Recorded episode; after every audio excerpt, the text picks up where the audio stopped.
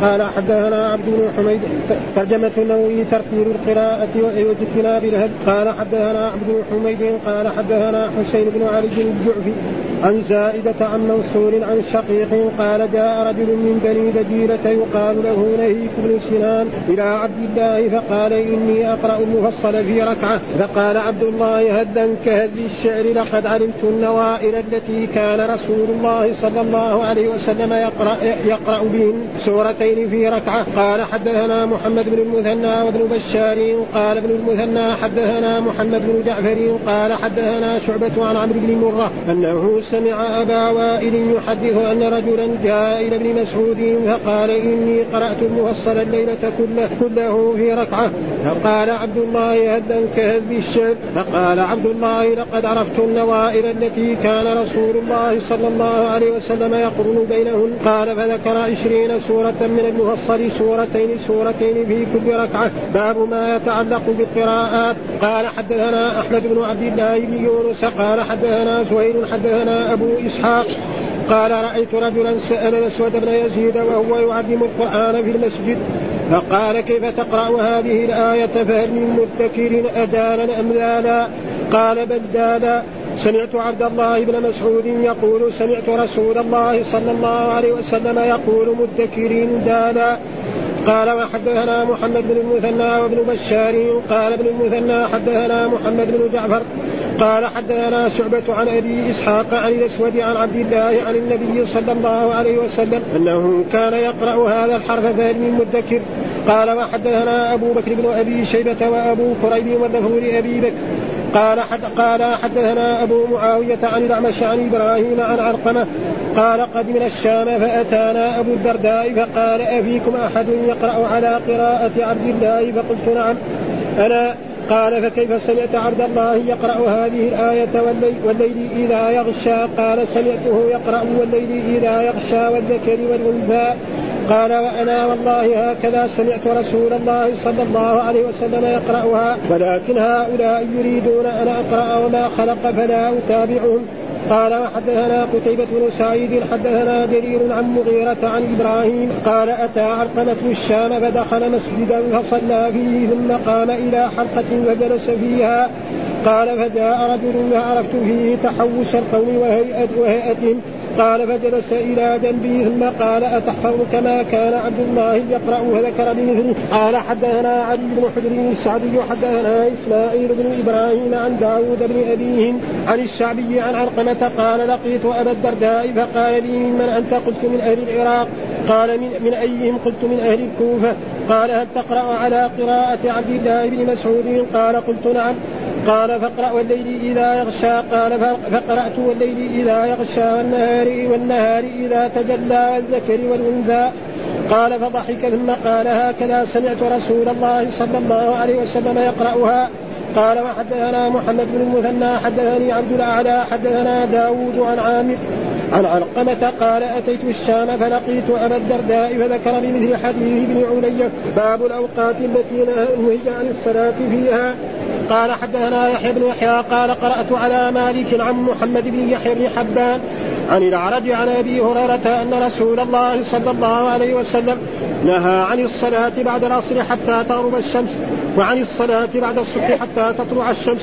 قال وحدثنا داود بن رسل وإسماعيل بن سالم جميعا عن هشيم قال داود حدثنا هشيم أخبرنا منصور عن قتادة. قال أخبرنا أبو العالية عن ابن عباس. قال سمعت غير واحد من أصحاب رسول الله صلى الله عليه وسلم منهم عمر بن الخطاب وكان أحبهم إلي.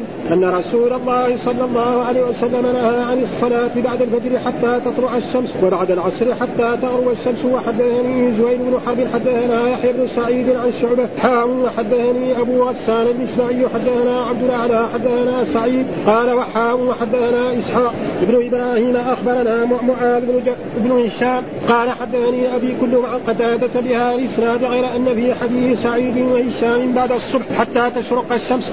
قال وحدثني حرملة بن يحيى أخبرنا ابن وهب أخبرني يونس وأن ابن شهاب أخبره. قال أخبرني عطاء بن يزيد الليثي أنه سمع أبا سعيد الخدري يقول قال رسول الله صلى الله عليه وسلم لا صلاة بعد صلاة العصر حتى تغرب الشمس ولا صلاة بعد صلاة الفجر حتى تطلع الشمس. قال حدثنا يحيى بن يحيى قال قرأت على مالك عن نافع عن ابن عمر أن رسول الله صلى الله عليه وسلم قال لا يتحرى أحدكم فيصلي عند طلوع الشمس ولا عند غروبها.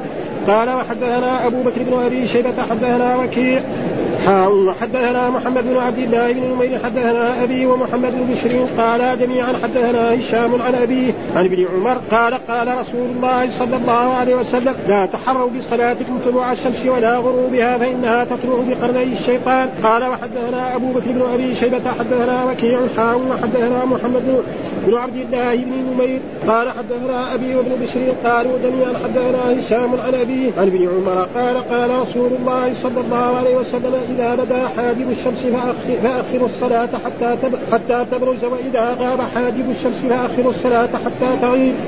أعوذ بالله من الشيطان الرجيم. الحمد لله رب العالمين والصلاة على سيدنا ونبينا محمد وعلى آله وصحبه وسلم أجمعين قال الإمام الحافظ أبو الحسين مسلم بن الحجاج الحسين النسابوري رحمه الله تعالى والترجمة ترتيب القراءة واجتناب الهل ها يعني هذا وكنا وقفنا على هذا الحديث الذي هو حديث عبد بن حميد. وفي معنى ذلك ترتيب يعني يقرأ بمهله لا يستعجل في القراءة حتى لا تظهر الحروف وأن يعطي كل حرف يعني حقه من التجويد ومن المد ومن غير ذلك هذا هو الواجب. وأما يقرأ القرآن بسرعة شديدة ويصير هذا إيه؟ زي الشعر فلذلك وكان الرسول يقرأ ذلك والقرآن يقول ورتل القرآن ترتيبا. يقرأ المد يمد ومعروف أهل التدريب عندهم المدود مختلفة. مد اصلي ومد طبيعي ومد متصل ومد متصل ومد لازم ومد عارف السكون إلى غير ذلك وأن يعطي الحروف حقها. هذا وان يجتنب إيه الدفاع الزائد حتى يعني تضيع بعض الحروف. فهذا فيها فذكر هذه الآية. من ذلك قال حدثنا عبد حميد حدثنا حسين بن علي الجعفي عن زائده عن منصور عن شقيق. قال جاء رجل من بني بجيلة وهي قبيلة من قبائل العرب.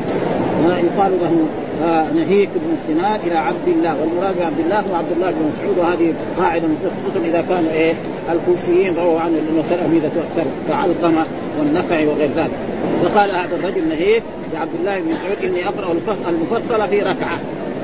أنا أقرأ المفصل كله في ركعة والمفصل كما تقدمنا يعني بعضهم قال أن المفصل من إيه؟ من سورة محمد عليه السلام التي تسمى القتال إلى الناس. وبعضهم يقول أنها من سورة الحجرات إلى الناس وبعضهم يقول أنها من قاف. هذا الآية والباقي غير المفسر الذي من فوق. ها في ركعة. فقال له عبد الله هل انتهت الشعر يعني ماذا فهمت من القرآن؟ اذا قرات في ركعة يعني مفصل. يعني كم المفصل؟ هذا تقريبا يعني أربع أجزاء ونصف. أو خمس أجزاء إلا شيء قليل خمس أجزاء في ركعة. ماذا فهمت من هذا القرآن؟ والمهم من القرآن قراءته وفهمه والعمل. ها؟ فلذلك أنكر عليه عبد الله بن مسعود ولا لا. ثم قال لقد علمت النظائر التي كان رسول الله صلى الله عليه وسلم يقرأ بهن سورتين في ركعة. يعني أنا اعرف النظائر التي كان الرسول يقرأ بها في صلاة الليل وفي قيام الليل.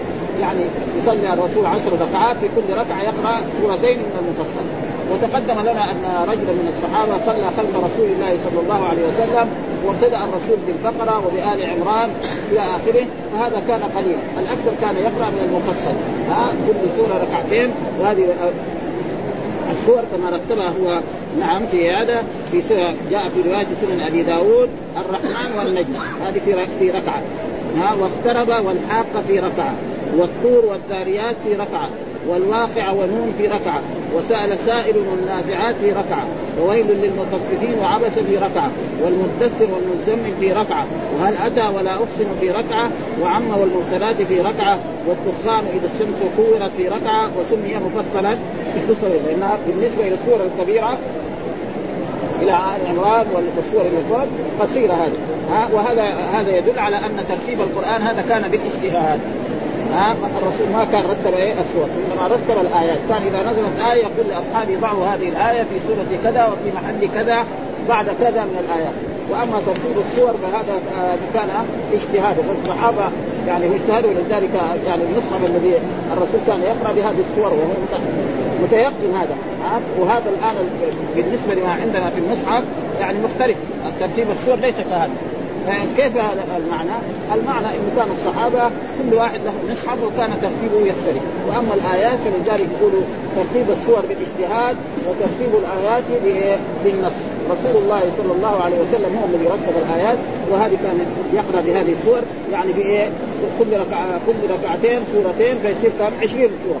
ثم بعد ذلك الرسول يوتر ها يقرأ مثلا بأي سورة أو يقرأ بسبح. نعم ثم قل يا أيها الكافرون وقل الله أحد والمعوذتين. هذا تقريبا وثبت مرات أنه قرأ بإيه؟ بالبقرة وبسورة آل عمران والنساء وهذا ما كان كثير لكن انما الاكثر كان يقرأ بإيه؟ بهذه السور يعني أكثر من إيه؟ من غيره وأنكر عليها هذا يعني اثنتين في ركعة عشرين سورة في عشر ركعات. ثم بعد ذلك يوتر الرسول صلى الله عليه وسلم كما ثبت عن عائشة أنه كان يصلي اربعا فلا تسعا من وقودهن ثم اربعا فلا تسعا ثم ثلاثا. ثم بعد ذلك يقول يعني حديث حدثنا شيبان بن مبروك حدثنا مهدي بن ميمون حدثنا واصل بن احدب عن أبي وائل قال غدونا على عبد الله. ها والغدو معناه الذهاب في أول النهار. يعني بعد طلوع الشمس أو بعد صلاة الفجر هذا معناه هذا. على يوما بعد ما صلينا الغداة بعد ما صلينا الفجر يعني فسلمنا للباب فاذن لها فمكثنا بالباب هنيئة. قال فخرجت الجارية فقالت ألا تدخلون؟ يعني هذا حرب فدخلنا فإذا هو جالس يسبح فقال ما منعكم أن تدخلوا وقد أذن لكم؟ ها يسبح معناه يذكر الله. ها يعني يذكر معلوم أذكار وجاء في أحاديث عن رسول الله صلى الله عليه وسلم إذا انسان صلى الفجر وجلس في مجلسه يذكر الله حتى طلعت الشمس وصلى الضحى ركعتين عاد بعمرة وحجة تامتين تامتين تامتين. والرسول كان يفعل ذلك. وقال قال أن بعض أهل البيت نائب يعني ظننا إن بعض أهل البيت تكون زوجتك أو بنتك أو يعني خدمتها. قال ظننتم بآل ابن عبد غفله يعني مثل مثل زوجة عبد الله بن مسعود تنام في هذا الوقت. ما تنام هذه. ما ان الكسالى ها؟ إن زوجته إيه؟ عن رسول الله صلى الله عليه وسلم وتعلمت من زوجها وتعلمت من رسول الله صلى الله عليه وسلم وهي صحابية. ها؟ ثم أقبل يسبح حتى ظن أن الشمس قد طلعت. فقال يا جارية انظري هل طلعت الشمس؟ قال فنظرت فإذا هي لم تطلع. ها فاقبل حتى ظن أن الشمس قد طلعت قال يا جاري انظري هل طلعت فنظر فاذا طلعت وقال الحمد لله أقالنا يومنا هذا يعني ما اقامت القيامة، إيش معنى اقام؟ يعني ما أنزل علينا العذاب. وما قامت القيامة، لأنه إذا قامت القيامة بعد ذلك سيظهر المؤمن والكافر ومعلوم أن ثبت في أحاديث كثيرة عن الرسول أن القيامة لا تقوم إلا يوم الجمعة. قد يكون يمكن هذا اليوم يوم الجمعة ف يعني فقال مهدي وأحسبه. قال ولم يهلكنا بذنوبنا. آه لم يهلكنا هذا إيه؟ في القرن الأول والقرن الصحابة رضوان الذي هو خير القرون يخافون من ذلك. ونحن الآن في آخر الزمان. الناس ولا يفكروا في هذه الأشياء. فقال رجل قرأت المفصل البارحة كلهم ها آه كذلك. قال آخر. فقال عبد الله هدا كهد الشعر. يعني ما في خلاف ها آه إنا لقد سمعنا آه إن لقد سمعنا القرائن وإني لأحفظ القرائن التي كان يقرأهن رسول الله صلى الله عليه وسلم. وهي السورة التي تقدمت يعني وهذا الترتيب زي ما قلنا ترتيب عبد الله بن مسعود. ثم بعد ذلك جاء هذا الترتيب الذي عندنا ترتيب عثمان رضي الله تعالى عنه فإنه لما كثر موت أصحاب رسول الله أمر بترتيب المصحف كما هو في الآن. ومثلا هذه السور موجودة في في المفصل مثلا أول سورة القتال بعدين سورة الفتح بعدين سورة الحجرات بعدين سورة قاف بعدين سورة يعني الذاريات ثم الطور وهكذا. فهذا الترتيب هو الذي الآن في جميع مصاحف البلاد الإسلامية. ما في يعني اختلاف. ومر كذلك في البخاري مثل ذلك أن الرسول كان يقرأ مثلا مرات يعني يقرا هو ثم يقرأ يونس. الآن الترتيب مثلا الأول إيه؟ يونس بعدين هود. أو أو يوسف بعدين الرعد. في بعض الاجتهاد فهذا تقريبا يعني ثم مفصل وسورتين من آل حامين وسورتين من آل حاميم معروف وهي يعني تقريبا سبع سور. سورة فصلت وسورة الشورى والزخرف والدخان والجاثيه والأحقاف. وهذه سور إيه؟ حاميم سور وكذلك غافر. أول ها سورة غافر فهذه السور وفيها يعني مهمة وهي يعني من السور الصعبة تقريبا على على الطلاب الذين خصوصا سورة الجاثيه ها سورة الجاثية من أصعب السور لأنه فيها تقريبا يكون من 20 سورة فيها آيات تقريبا من 20 سورة من القرآن.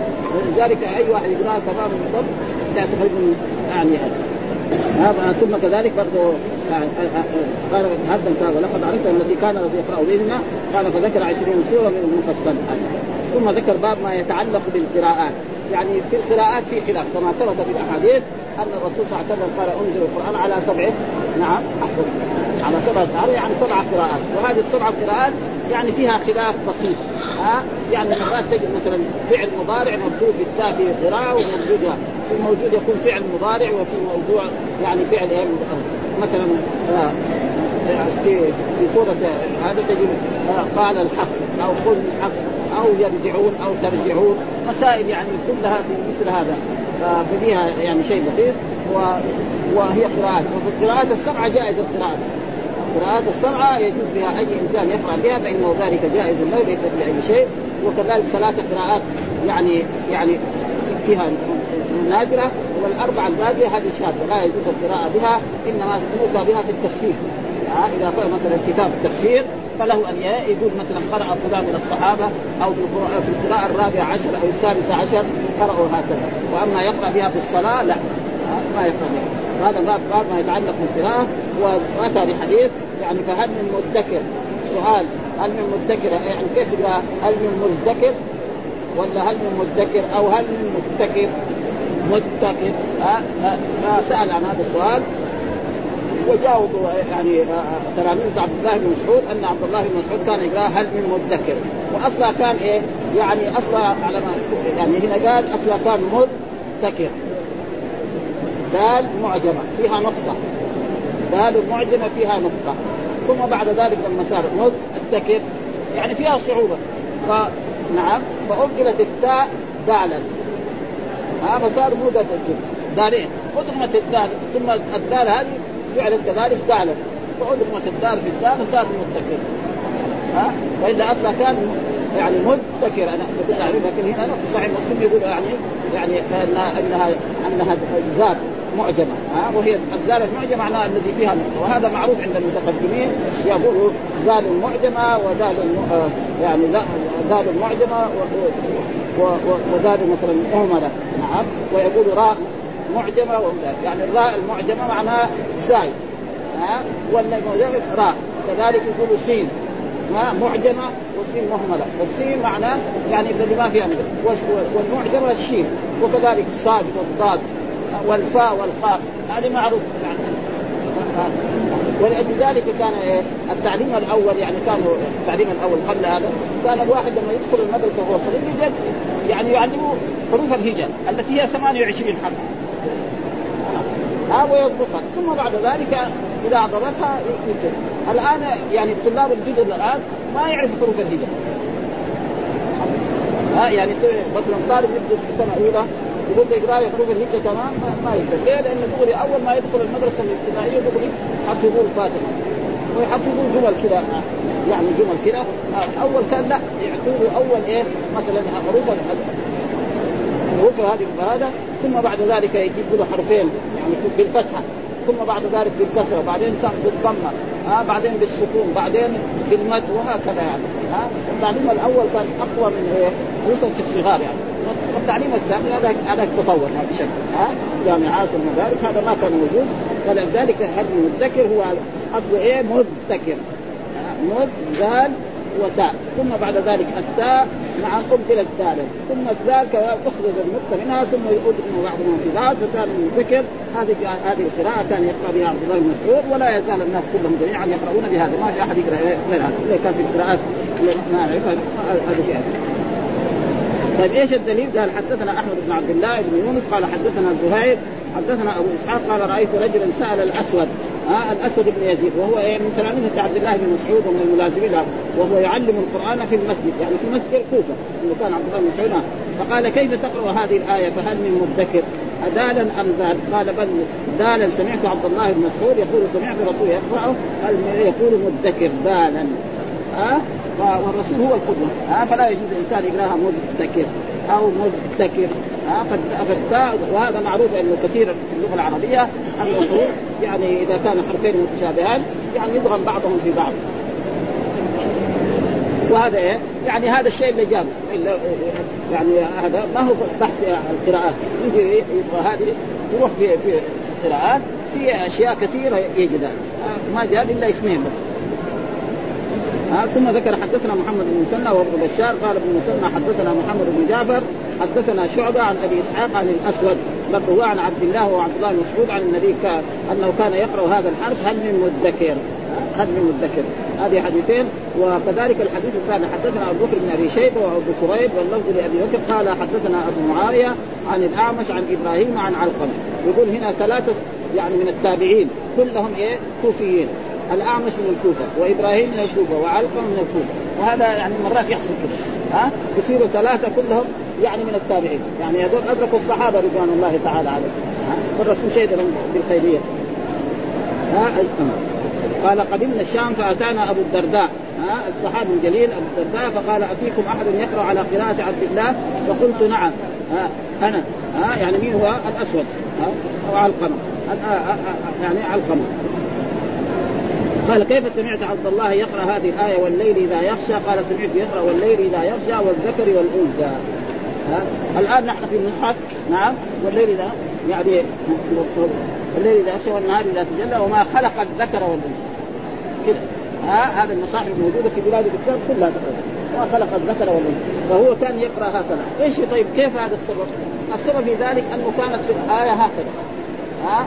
وخلق والذكر والأنثى. ثم بعد ذلك نسخ هذا وصار إيه؟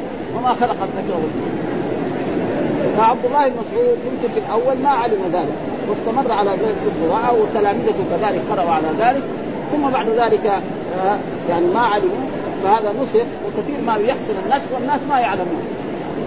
ثم بعد ذلك لما كثر الموت في أصحاب رسول الله وعثمان رضي الله تعالى عنه في خلافته أمر بكتابة المصحف وكتب المصاحف الأربعة ووزعها على الاقطار وأمر بشير المصاحف الأخرى. مصحف في المدينة مصحف عنده ومصحف في مكة ومصحف في الشام وقال أمر الناس أن يقرأوا بهذا. عشان لا يختلف القرآن بعد ذلك يصير يصير زي التوراه والإنجيل.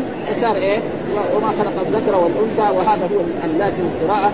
و وكان بعض تلاميذ عبد الله بن مسعود يقرأ والذكر والأنثى. وكذلك ما خلق الذكر والأنثى هنا يعني دائما يعني ما هنا يعني إذا أردنا نفسرها يعني مصدريه لأن العادة دائما ما لما لا يعقل ما في اللغة العربية دائما لما لا يعقل ها ومن لإيه للعاقل فهنا إذا قلنا وما خلق يعني مين اللي خلق؟ الرب سبحانه وتعالى الرب ما يعني ما نقول نحن هو ذكر لكن مخاطب بإيه؟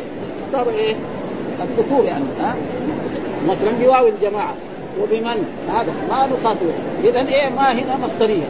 والذكر يعني وخلق الذكر والأنثى. ها؟ فاذا قلنا مصدرية ما يعني ما يدل. أو ما خلق الذكر والأنثى ولذلك القرآن مرة يسبح لله من في السماوات مرة يسبح لله ما في السماوات. فهذا يدخل العاقل في غير العاقل. وهنا إذا إيه؟ وخلق الذكر والأنثى. ها؟ والليل إذا يغشى والنهار إذا تجلى. ها؟ وخلق الذكر والأنثى. فيصير ما مصدرية. ما هي إيه؟ يعني يعني ما التي لما لا يعقل. الله يقول مثلا ما عندكم ينفد وما عند الله باق إيش اللي عند الناس ينفد؟ خدام الدنيا إن كان عنده شيء من الذهب والفضة ولا عنده من الثياب ولا من هذا يعني نذهب. حتى في البخاري ها؟ ولذلك عبد الله بن مسعود يعني حتى انه من الأشياء التي كان هذا. يقول أن المعوذتين ليست من القرآن. مع المعوذتين يعني كل المصاعب الموجوده الآن. يقول هذا زي أعوذ بكلمات الله التامات من شر مع أنه ثبت في أحاديث قال له إيش إذا إيش السبب؟ السبب إنه ما بلغه هذا. يعني نحن نحمله محمل حسن محمل حسن ما بلغت هذه الأحاديث أو نسي. ها؟ أو نسي يعني.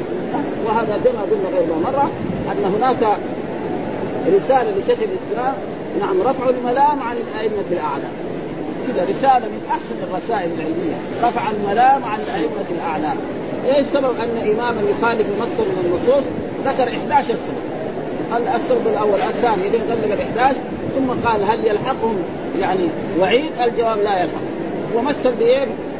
بمن هو أكبر من الأئمة الأربعة. بالصحابة رضوان الله بأبي بكر وبعمر وعثمان وهؤلاء ما يلحقهم وعيد لأنه ما يمكن واحد يصير في احاديث رسول الله قديما ولا ثم ينسى. ثم قد يكون هو يرى أن هذا الحديث منسوخ أو يرى أن هذا الحديث ضعيف والحقيقة ما هو ضعيف. ما فاذا ما عليهم ما يلحق لهم وجاء في احد إذا اجتهد الحاكم فأصاب فله أجران وإذا اجتهد فاخطا فله أجر واحد والذنب مغفور ولا ذنب عليهم ابدا في هذا الموضوع. اي أي. ها والليل إذا يغشى والذكر والأنثى.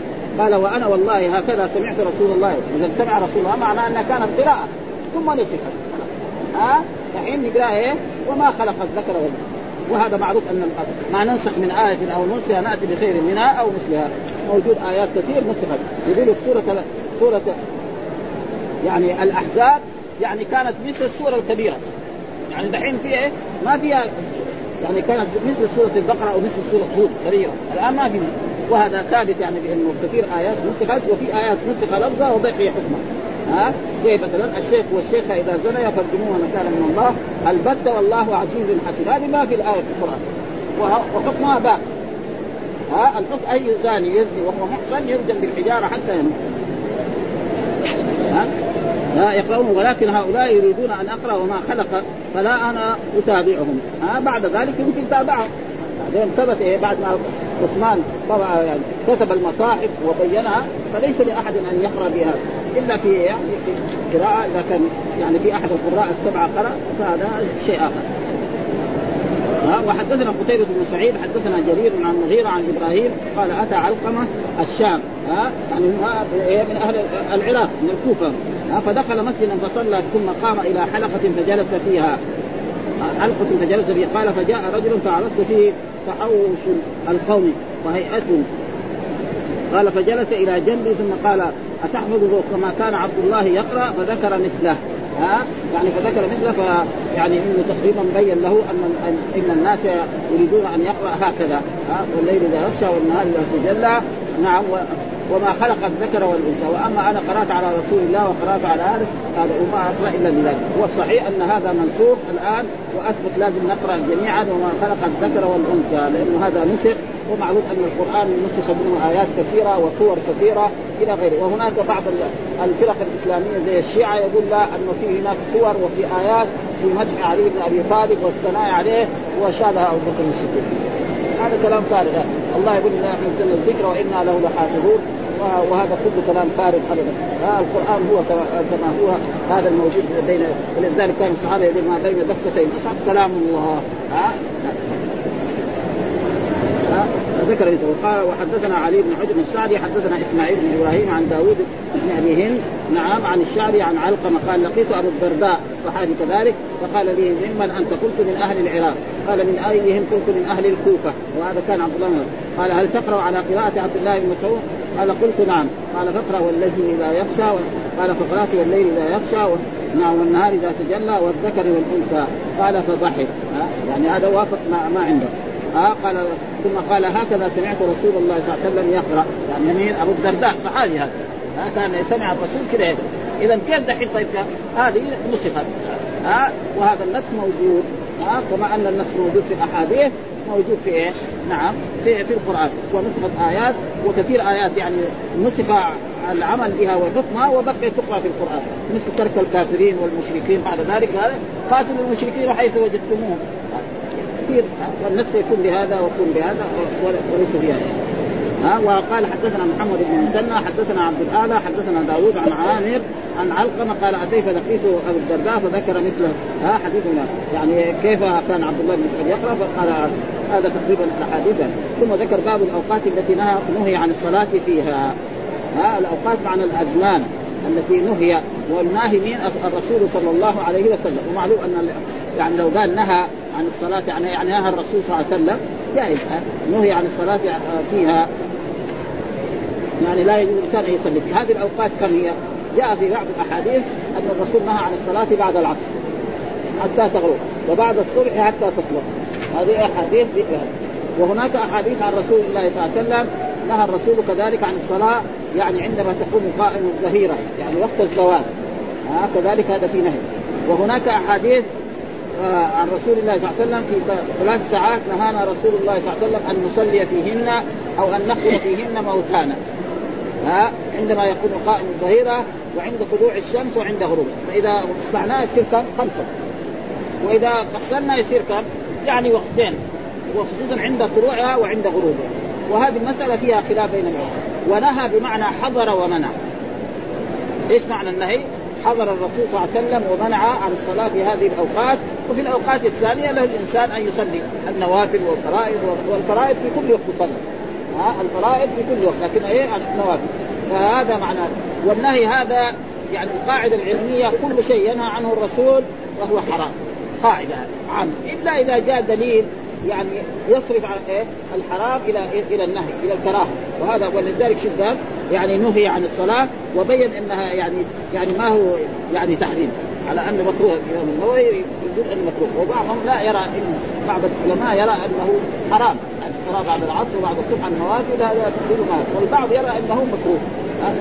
والسبب في ذلك طيب إيش صيغ النهي؟ صيغ النهي كذلك في اللغة العربية يعني إما نهى. هذا معروف أو حرم أو مثلا فعل مضارع يدخل عليه لا النهي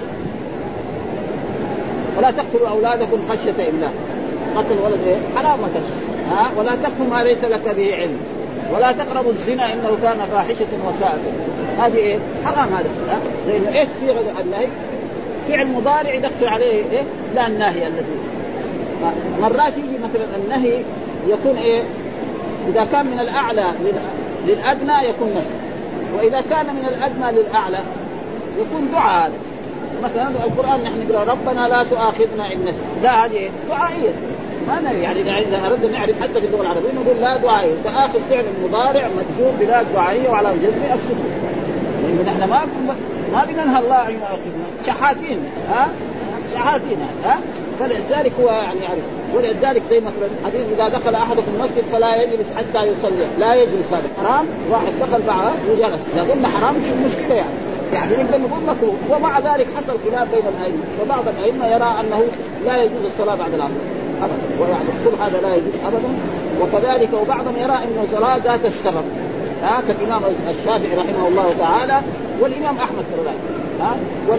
اما الإمام مالك والإمام حنيفة فيرون أن الصلاة في هذه الأوقات لا يجوز ولأجل ذلك نهوا عن ذلك. وكان عمر بن الخطاب رضي الله تعالى عنه ممن يرى أن النهي بعد صلاة الصبح وبعد صلاة لا تصح. حتى كان إذا طاف في مكة ما يصلي. نعم ركعتين طواف. حتى يذهب إلى القوى وهناك يصلي. فيقدم النهي. وحصل كمان خلاف في أحاديث يعني بعض العلماء الآن. إذا امرتكم بأمر فأتوا منه وإذا نهيتكم إيه؟ فاجتنبوا. فالناس من العلماء يقدم النهي. إذا قال لك الله نهاك لازم إيه؟ تنتهي. أما الأمر مثلا قال لك صلي قبل المغرب. ما صلي. ما نقدر نقول لكم صلي. فلأجل ذلك هذا والمسألة خلافية فرعية كذلك لا فالذي صلى لا ينكر عليه. وكذلك يعني كمان بعض اخوان من طلبة العلم يشوفوا عند غروب الشمس يصلي. يعني شوية كمان. في هذا مع النهي بعد العصر بعد الصبح حديث إيه؟ عند طلوعها وعند غروبها. وحديث ذكرها هنا في الآية. يعني إنما إيه؟ يعني لا لا يجوز الصلاه انها تغرب إيه؟ بين قرني الشيطان. لذلك والمسألة هذه من المسائل الفرعيه فلا يحدث بين المسلمين ضجة ولا شيء.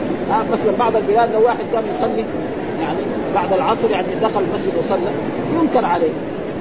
ها؟ لأنه ما ما ما عرفوا هذا مثلا بعد العصر دخل بعد بعد ربع ساعة بعد نص ساعة بعد يعني باقي نص ساعة يصلى ما ينكر عليه وإذا جلس ما نقول له قم صلي. ها؟ ليه؟ لأن المسائل الفرعية هذه فيها أشياء لا تحدث بين المسلمين ولذلك ذكر هنا باب الأوقات التي نهي عن الصلاة فيها. والمراد الصلاة هنا النوافل. أما إذا كان يصلي الظهر أو العصر أو غيره. وكذلك في في صلوات لازم تصلى حتى بعد مثلا لو صار الكسوف بعد العصر. صلى؟ كذلك مثلا سجدة آه مثلا آه سجدة التلاوة وسجدة الشكر. فلذلك ذكر هذه الأشياء. فأول حديث هو قال حدثنا يحيى بن يحيى قال قرأت على مالك عن محمد بن يحيى بن حبان عن الأعرج عن أبي هريرة أن نهى عن عن الصلاة بعد العصر حتى تغرب الشمس وعن الصلاة بعد الصبح حتى تطلع الشمس. ها؟ فهذا يعني نهي والنهي اذا اصله يقتضي إيه؟ التحريم. لكن قد إيه؟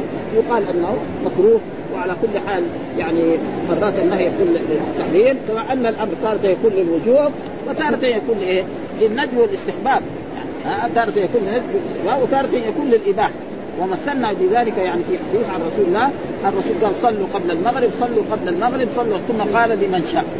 وكذلك لما الرسول حج حجة الوداع نعم وأمر أصحابه بعد ما طافوا بالبيت وسعوا بين الصفا والمروة قال من لم يعني يسق الهدي فليجعلها عمرة. فليجعلها هذا أمر. فعل مضارع دخل عليها فليجعلها عمرة. فالصحابه ثم قال نعم وأصيبوا النساء. في نص الحديث. فليجعلها عمرة وأصيبه. فليجعلها هذا إيه؟ واجب عليه. يحل من الإحرام. ولا يجوز أن يحرم يبقى على إحرام لأنه ما ساقه وأما يصيب النساء هذا إذا واحد عنده زوجة واجب عليه يصيبه؟ مو واجب عليه. فهذا مباح. ولذلك في الأمر تارة يكون بالاباحه وتارة يكون بالنجم وتارة يكون بالسباب وتارة يكون يعني بالتهكم. موجود في القرآن. قل كونوا حجارة أو أمر إيه؟ هذا للتعجيز هذا. يقدر هم الكفار اللي ينكروا البعث يصيروا حجاره ما يقدر. ها؟ فذوقوا العذاب كثير يعني. فلذلك هو وكذلك النهي كذا وإذا كان من الأدنى للأعلى يسمى دعاء. ربنا لا تؤاخذنا. ها؟ الناس يقول يعني يقول ولا زال مهنا بجرعائك القتل. ولا زال. هذا دعاء له. يعني عرفي هذا؟ يعني فلذلك نهى. فإذا النهي هنا يعني بعض العلماء فسره بالتحريم وبعضهم فسره بإيه؟ بالكراهه فاذا صلى الإنسان بعد العصر فيكون خالف رسول الله صلى الله عليه وسلم وناس يقدموا إيه؟ الأمر وناس يقدم مثلا صلاة ذات السفر يعني ما يجوز إنسان جالس في المسجد بعد العصر يكون يصلي ركعتين أربع ركعات. هذا متفقين على ذلك. لكن دخل المسجد وصلى ما ينكر عليه. وفي بلاد ينكروا عليه. لأنه ما يعرف إلا هذا. والمسائل يعني هذه المسائل الفرعيه لا تؤدي إلى إلى هذا. وذكر هنا قال في احاديث في أحاديث الباب نهي صلى الله عليه وسلم عن الصلاة بعد العصر حتى تغرب الشمس وبعد الصبح حتى تطلع وبعد طلوعها حتى ترتفع وعند استوائها. هذه إيه؟ يعني وبعد طلوعها حتى ترتفع. يعني مو عند الطلوع حتى تغرب وعند استوائها حتى تزول وعند اصفرارها حتى تغرب. وأجمعت الأمة على كراهه صلاة لا سبب لها في هذه الأوقات. يعني أجمع الأمة كل العلماء وثم الأئمة كلهم واتفقوا على جواز الفرائض المؤدات فيها، الانسان كان نائم وقام صلى بعد العصر قبل المغرب بربع ساعة يصلي العصر. ها؟ ما يقول لا الآن حرام. أو نائم وقام يعني عند طلوع الشمس صلاة وكذلك لازم يتوضأ. بعض الناس كذلك يفسروا يقول إذا كان خايف إنه تطلع الشمس لا يتيمم ويصلي. يتيمم إذا عدم الماء. يتيمم يتوضأ وإن كان يحتاج يعني للبول والغائط يفعل هذه الأشياء ثم يتوضأ ويصلي سواء طلعت الشمس أو لم تطلع الشمس هذا واجب. يجب قال والمؤدات واختلفوا في النوافل التي لا تسار كصلاة تحية المسجد وسجود التلاوة. يعني زي سجود التلاوة؟ ما يسمى صلاة ها؟ والشكر وصلاة العيد والكسوف. يعني رجل ما صلى وصلاة الجنازة وقضاء الفوائد. ومذهب الشافعي وطائفة جواز ذلك كله دراء. ومذهب أبي حنيفة وآخرين كذلك الإمام مالك أنه داخل في النهي لعموم الأحاديث. واحتجوا المنافقون بأنه ثبت أن النبي صلى الله عليه وسلم قضى سنة الظهر. ها؟ وهذه قصة الظهر موجود. أن أن الرسول دخل إلى بيت أم سلمة وصلى. وبدأ يصلي نافلة. فقالت أم سلمة للجارية اذهبي إلى رسول الله. كان يصلي بعد ما يصلي. بعد ما ينتهي من الصلاة اسألي. هل نصلي هذه الصلاة بعد العصر؟ ونهيت أنا قال لها لا تصلي. ما ما السبب ان تصلي يا رسول الله؟ قال انه جاء وقت وأشغلني عن الصلاة. نعم. بعد الظهر وقضيتها الآن. فأكون من ذلك انه؟ يعني أن النوافل كذلك يعني لو قضاها الإنسان، لكن بعض العلماء يقول أن أن النوافل بالنسبة للرسول واجبة. والبعض وقدم لنا هنا في صحيح مسلم الإمام النووي أنها يعني نسخ. لا على الرسول ولا على غيره. واستدل بالآية قول الله تعالى إن ربك يعلم انك تقوم أدنى من ثلثي الليل ونصفه وثلثه وطائف من الذين معك والله يقدر الليل والنهار. علم أن لم تحصوه فتاب عليكم فاقرأوا ما تيسر من القرآن. يعني فاقرأوا هذا إيه؟ أمر. ها للجميع. يعني للرسول صلى الله عليه وسلم ولأمته. أما الأمة كان ما هو واجب. واستدل الذين قالوا إنه صلاة يعني قيام الليل واجب على الرسول يا أيها المزمل قم الليل إلا قليلا نصفه أو انقص منه قليلا أو زد عليه والصحيح أن الآية الأخيرة يعني وهناك من العلماء من يرى لا أنه لا يزال يعني صلاة الليل على الرسول يعني واجبة واصاب وعلى كل حال يعني مسألة كذلك من المسائل الفرعيه فلذلك وعمر بن الخطاب كان رضي الله تعالى عنه حتى لو صلى طاف بالبيت وفي حديث يا بني عبد مناف لا تمنعوا. احدا طاف بهذا البيت وصلى اية ساعة شاء من ليل أو نهار. فيدخل بعد العصر وبعد الصبح. ها؟ ها؟ وبرضه المالكية يمنعون من ذلك. والحنفية كذلك يمنعون من ذلك. لكن الان كل الناس صاروا يصلوا. ها؟ ها؟ إيه. يعني بهذا النص. وعمر كان ما يصلي. وهذا موجود في الموطأ مر علينا كان. ها واحتج وضع لأنه ثبت أن النبي صلى الله عليه وسلم قضى سنة الظهر بعد العصر وهذا صريح في قضاء السنة الفائتة.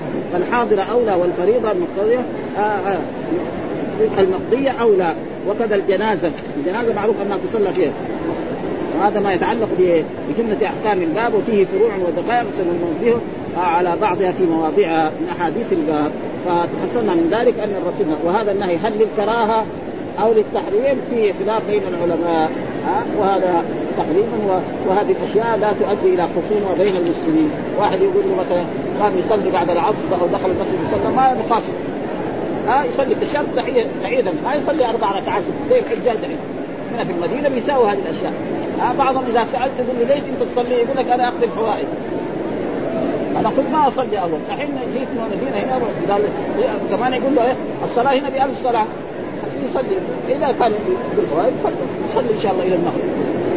أما يستبطل هذا تقريبا فلذلك يعني تقريبا هذه المسائل من المال والمسائل الفرعية يعني لا لا مشاحات فيها ولا تحدث بين المسلمين أي شيء. ثم قال وحدثنا داوود بن رشيد وإسماعيل بن سالم جميعا عن هشيم قال داوود حدثنا هشيم أخبرنا منصور عن قتادة قال أخبرنا أبو العالي عن ابن عباس قال سمعت غير واحد من أصحاب رسول الله صلى الله عليه وسلم عبد الله بن عباس صحابي لكن تعلم علما من أصحاب رسول الله صلى الله عليه وسلم. منهم عمر بن الخطاب وكان أحبهم إلي. ها يعني سمعنا عن كثير من أصحاب الرسول أن الرسول نهى عن الصلاة بعد العصر وبعد الصبح وكان من جملة الصحابة وكان احبهم إليه لأنه هو كان يلازم عمر بن الخطاب رضي الله تعالى عنه في في هذه الأوقات. احبهم إليه إلى أن رسول الله صلى الله عليه وسلم نهى عن الصلاة بعد ومعنى نهى حضر ومنع. هذا معناه النهي حتى تطلع الشمس وبعد العصر حتى تغرب الشمس. فهذه إيه؟ وقتان وإذا فصلناها يصير خمسة. ها؟ يعني بعد العصر وبعد المغرب وبعد العصر وبعد الصبح هذه الاثنين وعند طلوعها وعند غروبها صار أربعة وعند الزوال. فيصير هذه أوقات نهى الرسول صلى الله عليه وسلم عن الصلاة في هذه الأوقات وهذا النهي هل للتحريم أو للكراهة؟ فيه خلاف بين العلماء فبعضهم يرى أنه للتحريم وبعض والقاعدة العلمية كل شيء ينهى عنه الرسول فهو حرام حتى يأتي دليل يصرفه من التحريم إلى الكراهة. آه مثلا حديث إذا لا يجلس حتى يصلي ركعتين إذا قلنا حرام ها آه إذا يعني إذا قلنا يعني حرام فيصير إيه؟ يعني بعدين يصير إيه؟ تحية المسجد واجبة مع أن الله أوجب علينا كم؟ خمس صلوات آه فإذا جلس ما نقول له فعلت حرام يمكن نقول له فعلت مفعول لأن إذا قلنا كذا بعدين يصير إيه؟ يصير إيه؟ تحية المسجد يصير واجب الصلوات الخمس وهذا لا وحدثني زهير كذلك بن حرب. حدثنا يحيى بن سعيد عن شعبة حول الإسناد وقال حدثنا أبو غسان المسمعي حدثنا ابو الأعلى حدثنا سعيد حدثنا إسحاق بن إبراهيم قال أخبرنا معاذ بن هشام حدثني أبي كلهم عن قتادة بهذا الإسناد غير أن في حديث سعيد هشام بعد الصبح ها؟ يعني بعد الصبح وهناك كان إيه؟ يعني بعد بعد الفجر هو بعد الصبح والفجر شيء واحد. حتى تشرق الشمس. وتشرق هنا بعضهم يرى أنها تشرق بضم التاء بمعنى إيه؟ يعني تظهر وترتفع.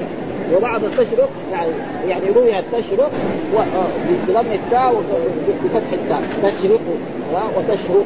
كله يعني جاي. فمعنى تشرق معناه يعني تظهر وترتفع. يعني مو بس حال ما هي الطالع قبل يصلي. حتى ترتفع زي ما يقولوا في الفقه حتى ترتفع إيه؟ خيبر.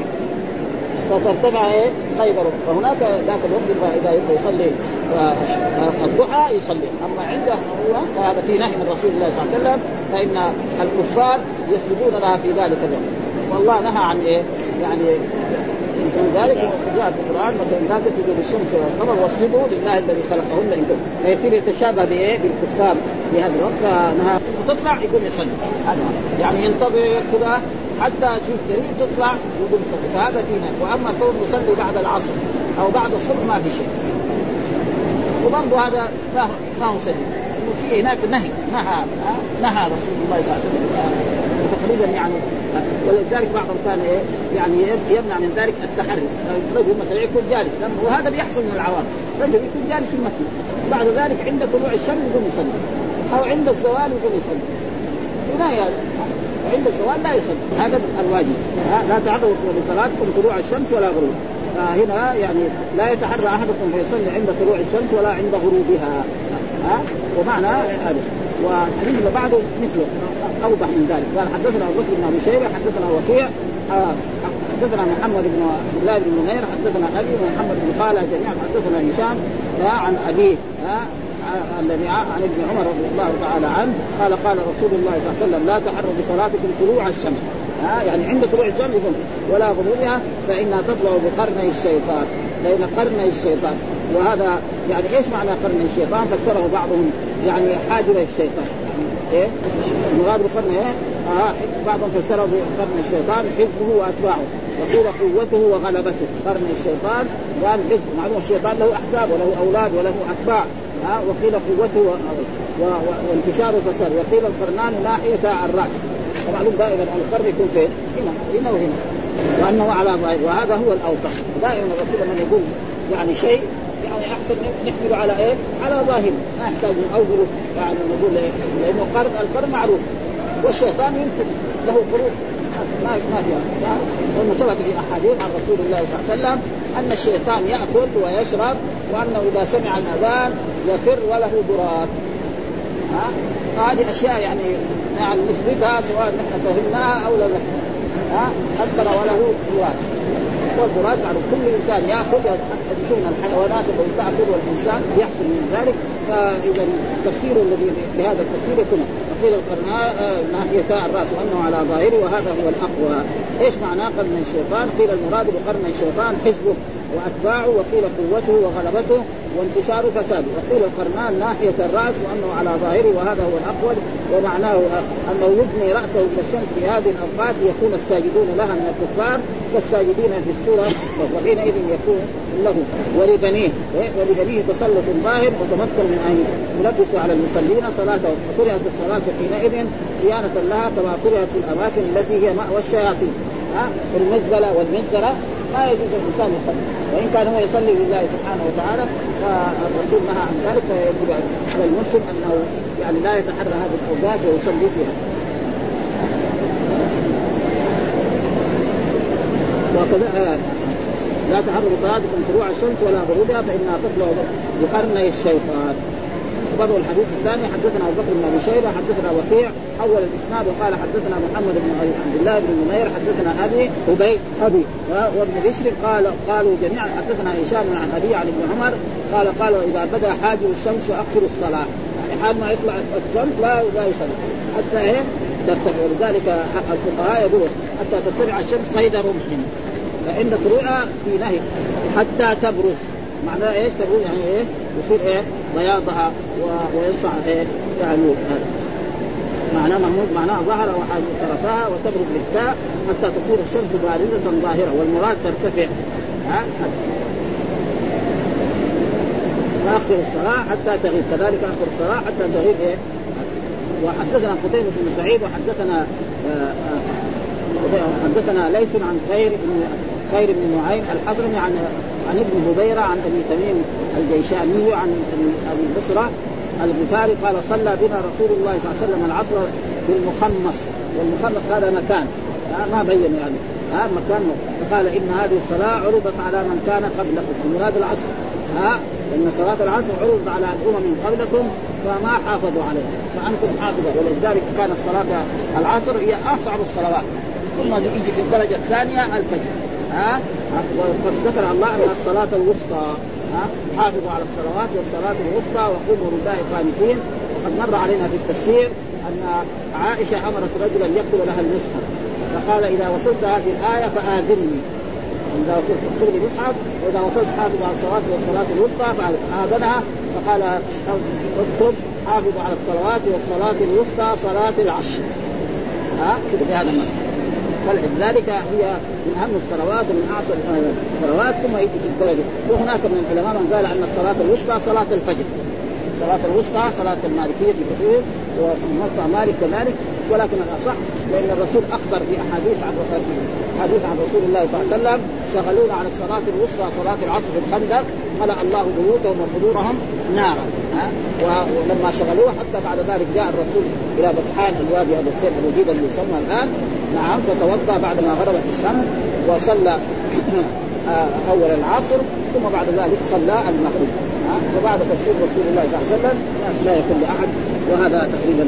وكل ثم جاء في بعض الأحاديث يعني من صلى البردين. فهي يعني من أهم الصلوات صلاة الفجر وهذه صلاة الفجر لأنه يقوم من النوم ويصلي قال فقال إن هذه الصلاة عرضت على من كان قبلكم يعني من الأمم فضيعوها. فمن حافظ عليها كان له أجره مرتين. ومحل الشاهد الذي يريده ولا صلاة بعد حتى يطلع الشاهد والشاهد النجم يعني حتى تغرب الشمس. وهذا يمكن هذا الحديث استدل به المالكية والحنفية الذين يروا أنه إذا أذن المؤذن في النار لا يصلي. وقت بعد الأذان ما يكون طلع النجم. يعني ما يراه الناس. هو النجم موجود يعني. فلذلك قد يمكن. ولكن ثبت في أحاديث عن رسول الله صلى الله عليه وسلم آه صلوا قبل المغرب صلوا قبل المغرب صلوا ثم كان لمن شاء. وهذا الحديث ثبت يعني قولا وفعلا وتقريرا في بلوغ المرام. كتاب هذا الصغير للحافظ بن حجر يعني ثبت أن يعني صلوا قبل المغرب ثم ثبت أن الرسول كان يصليها وثبت أن أصحاب رسول الله صلى الله عليه وسلم كانوا يصلوها فإذا أذن المؤذن يعني ابتدروا السواري. حتى الداخل يقولنا أنه انتهى الصلاة. ها؟ فقول وفعل وكان يعني برضه بعض شيخ الإسلام ابن تيمية يعني في فتاويه ذكر أنه ما ثبت أن الرسول كان يصلي. ها؟ ثبت إيه؟ قول وفعل هذا كان لكن ثبت في بلوغ المرام. بلوغ المرام موجود. والحمد لله رب العالمين وصلى الله وسلم على نبينا محمد وعلى آله وصحبه. يعني حدثنا زهير بن حرب حدث الناس